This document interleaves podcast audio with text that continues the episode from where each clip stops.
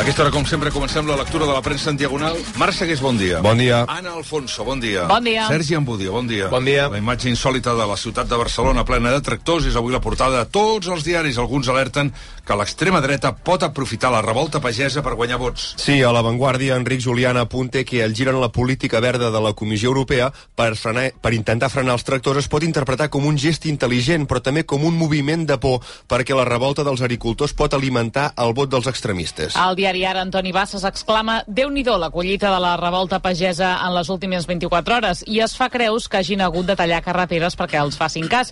I també lamenta que l'ultradreta aplaudeixi la reculada de von der Leyen en la seva agenda mediambiental. I El Mundo també alerta que les tracturades suposen un risc polític a tota Europa que cal afrontar, bàsicament per evitar que sigui capitalitzat pels discursos nacionalistes i xenòfobs de l'extrema dreta. Uh, malgrat això, tots els diaris aplaudeixen que els pagesos s'hagin posat en peu de guerra i que se'ls hagi començat a escoltar. Per exemple, Joan Vallclara, el punt avui, diu que els cops d'efecte són imprescindibles i fonamentals i celebra que els pagesos s'hagin alçat, hagin rondat amb tractors i hagin aconseguit que no se'ls invisibilitzi. José Antica, al Nacional, assegura els nostres pagesos tenen raó. Lamenta que sempre hi ha prioritats que passen per sobre de les reivindicacions del sector primari i vaticina que quan la marea informativa baixi tornaran a desaparèixer del mapa. El País, a l'editorial, lamenta que la degeneració del model dels subsidis ha portat a que els grans propietaris acabarin ajudes i creu que s'ha d'atendre a les protestes del camp però sense sacrificar l'agenda ecològica. L'ABC diu que, a banda de la brutal burocràcia, cal criticar la nula pedagogia que ha fet el govern espanyol amb la pagesia i l'absència d'una veritable política agrícola que no sigui un simple repartiment de subsidis i ajudes. I a l'Espanyol, a l'editorial, està d'acord que els pagesos estan plens de raons per manifestar-se, però no per bloquejar carreteres i ciutats.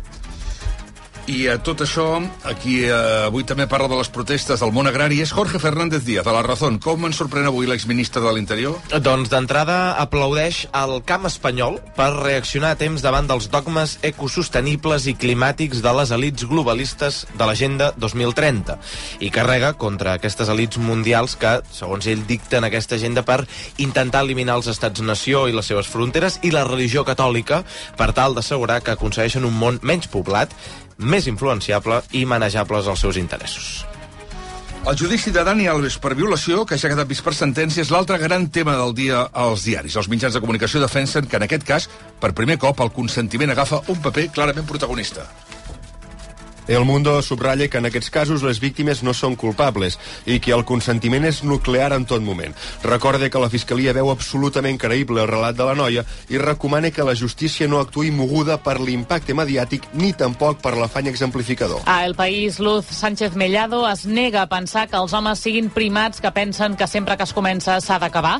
Argumenta que és legítim canviar d'opinió a mig aire i que quan un dels dos no ho accepta parlem d'una clara agressió sexual. I a Crònica Global, Ignasi Jorro escriu que el judici Alves podrà demostrar que la llei del només sí és sí obrirà l'era del consentiment en seu judicial a Espanya, amb un canvi de paradigma, diu. Si no hi ha consentiment, no importa si hi ha ferides o si es va canviar d'opinió. És violència sexual. I qui ha tornat? Doncs el Quim Monzó a l'avantguàrdia. Bravo. A la seva columna explica que ja no fume. Mm. Diu, feia temps que notava que xuclar cigarrets feia que els pulmons em sonessin com un acordió de Porexpan. No es veia capaç de deixar-ho, però fa unes setmanes va començar a tenir febre, tos, dificultat per respirar i fatiga absoluta. Ara fa un mes que no fuma i assegura, seria estúpid no aprofitar-ho. I afegeix que se sent tan insegur com quan va deixar de tenir un got de whisky al costat del teclat. Parla l'article de La Vanguardia de dues persones que vam fer el- l'honor d'utilitzar, perquè vam utilitzar una columna de La Vanguardia, és els avantatges que tenim la gent que, que escrivíem als diaris, i sobretot a La Vanguardia, que deixaven de fumar. Una era la Gemma Cerdà, per exemple, que també va deixar de fumar escrivint a La Vanguardia. I, uh, perquè, clar, tens la sort de dir o ho expliques per la ràdio o escrius en una columna i t'hi veus obligat, i t'hi sents obligat. I el Quim Monzó ha fet exactament igual. Jo l'he estimat, admirat i mai ben ponderat a Quim Monzó li diria que, eh, que la paciència ja, la, que ja ha passat un mes que ja ha passat un mes i que d'aquí un temps no res haurà passat un any i realment sabrà que serem menys feliços Sí, sí, serem menys feliços, perquè realment els que hem fumat durant molts anys deixes de fumar i som menys feliços. Però a la vegada, ara, un que no ha fumat mai diu, què està dient aquest tarat? Bueno, doncs serem menys feliços, però que a la vegada saps una cosa molt important, que ets un campió, que tens una capacitat d'haver-ho aconseguit bestial perquè estem parlant d'una droga. Hem deixat una punyetera droga enrere. Una punyetera droga enrere. I que, si pot ser, mai més hi tornarem. Oi? I tant. Val. Continuem amb la lectura de la premsa en diagonal aquí al món RQ. Aquí se l'entrevistarà aquest matí al Xuxu. Aquest matí el ministre de la presidència, Félix Bolaños, s'hi llegeix l'article de Jorge Bustos a El Mundo. Diu que apunta cap a ell una successió d'escàndols com l'amnistia, però sobretot destaca el seu paper com a mà dreta de Pedro Sánchez. Escriu, està posant el cos pel seu senyor que li ha buscat la ruïna amb el regal enverinat d'un poder excessiu. Quan acabi de fondre's ja no serà útil i Pedro Sánchez el substituirà per un altre. Disney ha anunciat, atenció, l'arribada de les seqüeles d'algunes de les seves sagues més importants. Carburants BP Ultimate t'ofereix la notícia que fa la volta al món. La més immediata és l'estrena de la segona part de Baiana, el proper 27 de novembre. Sotròpolis 2 arribarà el 2025 i Toy Story 5 i Frozen 3 arribaran d'aquí a dos anys, el 2026. La companyia també ha anunciat que el pròxim 15 de març estrenarà a Disney Plus la pel·lícula de Taylor Swift d'Eras Tour, que el cinema s'ha convertit en un autèntic fenomen i inclourà, atenció, cinc cançons que no figuraven a la versió que es va projectar a les sales de cinema. Ho destaquen mitjans de tot el món. I ara demana un desig. Últimament em demanen molt ser de Mi BP perquè així sempre pots tenir a mà la targeta virtual a la teva app Mi BP, consultar els teus saldos, ofertes i promocions... No, si jo ja sóc de BP. Ah, d'acord, doncs llavors no sé què més pots demanar. Un cotxe... Si tu també vols demanar un desig, descarrega l'app Mi BP i aconsegueix aquests avantatges i molts més.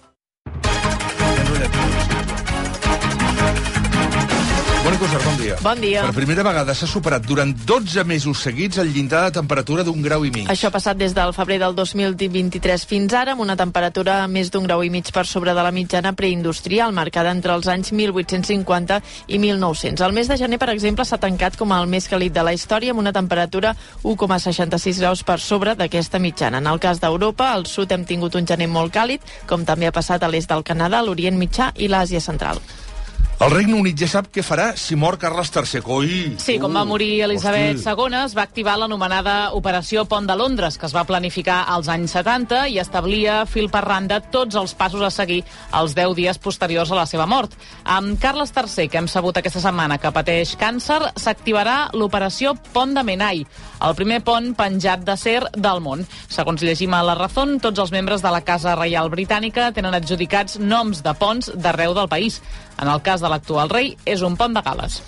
Què guarda encara l'actriu Demi Moore? Doncs les peces de funk que fa més de 30 anys va fer amb l'actor Patrick Swayze a la pel·lícula Ghost són les que veiem a l'escena de ceràmica segurament més famosa de la història del cinema en què Moore i Swayze viuen uns apassionants minuts mentre treballen al funk. La protagonista de la pel·lícula ho ha confessat al programa nord-americà The Drew Barrymore Show. Llegim aquest matí a La Vanguardia. I l'Audiència Nacional suspèn la multa individual més alta de la història d'Espanya. La... Santanderesmusic.com t'ofereix la notícia econòmica. La Comissió del Mercat i la Competència va multar Apple amb gairebé 144 milions d'euros i Amazon amb 50 milions per manipular el mercat. Considerava provat que es van posar d'acord per tal que només alguns distribuïdors designats per Apple poguessin vendre els productes de la companyia a través del web d'Amazon i així encarir-ne el preu. Ara l'Audiència Nacional ha deixat en suspens la sanció mentre no es resolen els recursos de les companyies. Ho llegim a l'expansió. Quan alguna cosa t'agrada molt, saltes. Salta amb el Santander a descomptes en festivals i concerts. A prevenda exclusiva d'entrades i a meet and greet amb artistes. Només per ser del Santander. Viu la cultura i el millor contingut musical a santanderesmusic.com. Salta amb el Santander. Santander, per tu, els primers. I què ha arribat a TikTok a tres quarts tocadíssims de 8 del matí? Doncs la protesta dels pagesos. Sí, som agricultors. I claro, que sense nosaltres no menjaríeu. Sí, som agricultors. I claro, que mos han posat restriccions per la sequera. Ara encarreguem en la punta de la cigal... Amb les principals reivindicacions ben detallades. Sí, som agricultors. I quan mos donen alguna ajuda... què passa? Ajuda de què? Ja, no cola, no? I tant, som agricultors i mos matem a fer producció para que després ho importen des de fora. Podeu veure el vídeo sencer al perfil MEP, tal qual, E M E barra baixa T T E. Premsa esportiva, Albert Pedrol, bon dia. Bon dia. Assistència sanitària. La dels metges patrocina aquesta secció. Sembla que el Real Madrid vol intimidar el Girona amb el seu sostre retràctil. Sí, el Club Blanc tancarà la coberta del Bernabéu el dissabte, tal com ho va fer contra l'Atlètic de Madrid. D'aquesta manera, l'acústica de l'estadi millora considerablement i el Madrid ho utilitza per incrementar el soroll ambiental al camp de futbol, dificultar la comunicació del terreny de joc i posar més pressió als rivals. Ho llegim al diari de Girona. I mentrestant, Carlo Ancelotti es queda sense centrals a dos dies de rebre el Girona. L'últim a caure ha estat Nacho, que s'ha lesionat i ahir no es va entrenar amb la resta del grup. Ara com ara Ancelotti no té ni un central disponible i des de Madrid apunten que el tècnic italià haurà de fer experiments amb Dani, Carvajal i Chouameni a l'eix de la defensa. De quina asseguradora mèdica ets? Jo? De la dels metges. De la dels metges, és clar. Som de la dels metges. Assistència sanitària. Creada, gestionada, dirigida i recomanada per metges. Assistència sanitària. La dels metges. La notícia fric. Lloguer segur. Sempre al teu costat. Patrocina aquest espai. Jordi Somell, bon dia. Bon dia. Un pilot de British Airways activa per error la rampa inflable d'emergència abans d'un enlairament. Va passar dissabte a l'aeroport de Heathrow, a Londres, i a banda del retard, l'error ha acabat costant a British Airways gairebé 60.000 euros. I on ja Salmó aquest matí? A La Vanguardia, on la compositora de la cançó Quiero ser una zorra del grup punk Les Vulpes qualifica d'artificial la polèmica al voltant de la cançó Zorra, que anirà a Eurovisió. La interpretació de televisió espanyola l'any 1983 de Quiero ser una zorra va provocar un daltabaix que va acabar amb la dimissió del presentador del programa, Carlos Tena. Ara la lletrista d'aquella cançó, Loles Vázquez, explica a La Vanguardia que rebutja tota comparació amb l'actual polèmica al voltant de la cançó del duet Nebulosa. Recorda que el grup va haver de passar 3 anys de procés judicial per la lletra fins que es va arxivar la causa. I avui que està en Elisenda és l'aniversari de... La cantant Maria Arnal, com un meteorit lluminós, creu el cel desbocada, que fa 37 anys. L'exfutbolista Risto Stoichkov, 58 anys. L'escriptor John Grisham, l'informe Pelicà, legítima defensa, la firma 69 anys. I el compositor John Williams, sol a casa, Star Wars, Indiana Jones, fa 92 anys. Mira, avui, avui mira, John Grisham, que sóc un devot de John Grisham, en fa 69. John Williams, que sóc un devot 92 anys, i, per ser, deixa'm dir, Ernesto Valverde, exentrenador del Barça i actual entrenador de l'Atlètic Bilbao. Fa 60 anys l'Ernesto el Xingurri, fa 60 anys, i el nostre tècnic realitzador, Dani Simón, que avui en fa primer dos. I el nacional cunyadisme de Xavi Norriguis a Instagram, avui cunyadisme àrtic, amb aquesta frase. Els esquimals tenen 100 paraules per referir-se al color blanc. A Lloguer Segur sabem que cada client és únic. Per això estem orgullosos de ser la primera empresa del sector a rebre la certificació ENOR de compromís amb la gent gran. Horari preferent, més de 50 oficines a la teva disposició, gestors especialitzats i molt més perquè l'edat no sigui un obstacle pel lloguer. Lloguer Segur, la revolució del lloguer.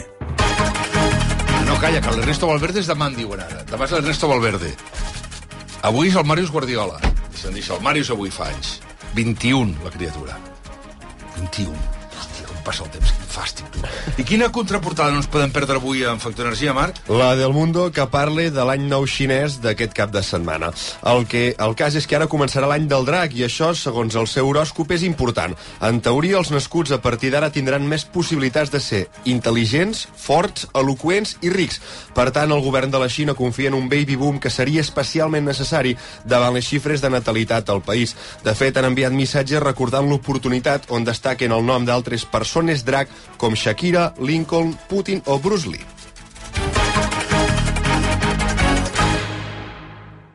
Lleig, molt lleig. No t'agrada el preu de la llum? No en compris més. Passa't a l'autoconsum. Diguem prou. Ara és el moment. Amb els preus actuals ja no cal ser ecologista. Economistes, benvinguts. Per fi hi ha un altre llum. Factor Energia. Empresa col·laboradora amb l'esdeveniment Barcelona Question Challenge.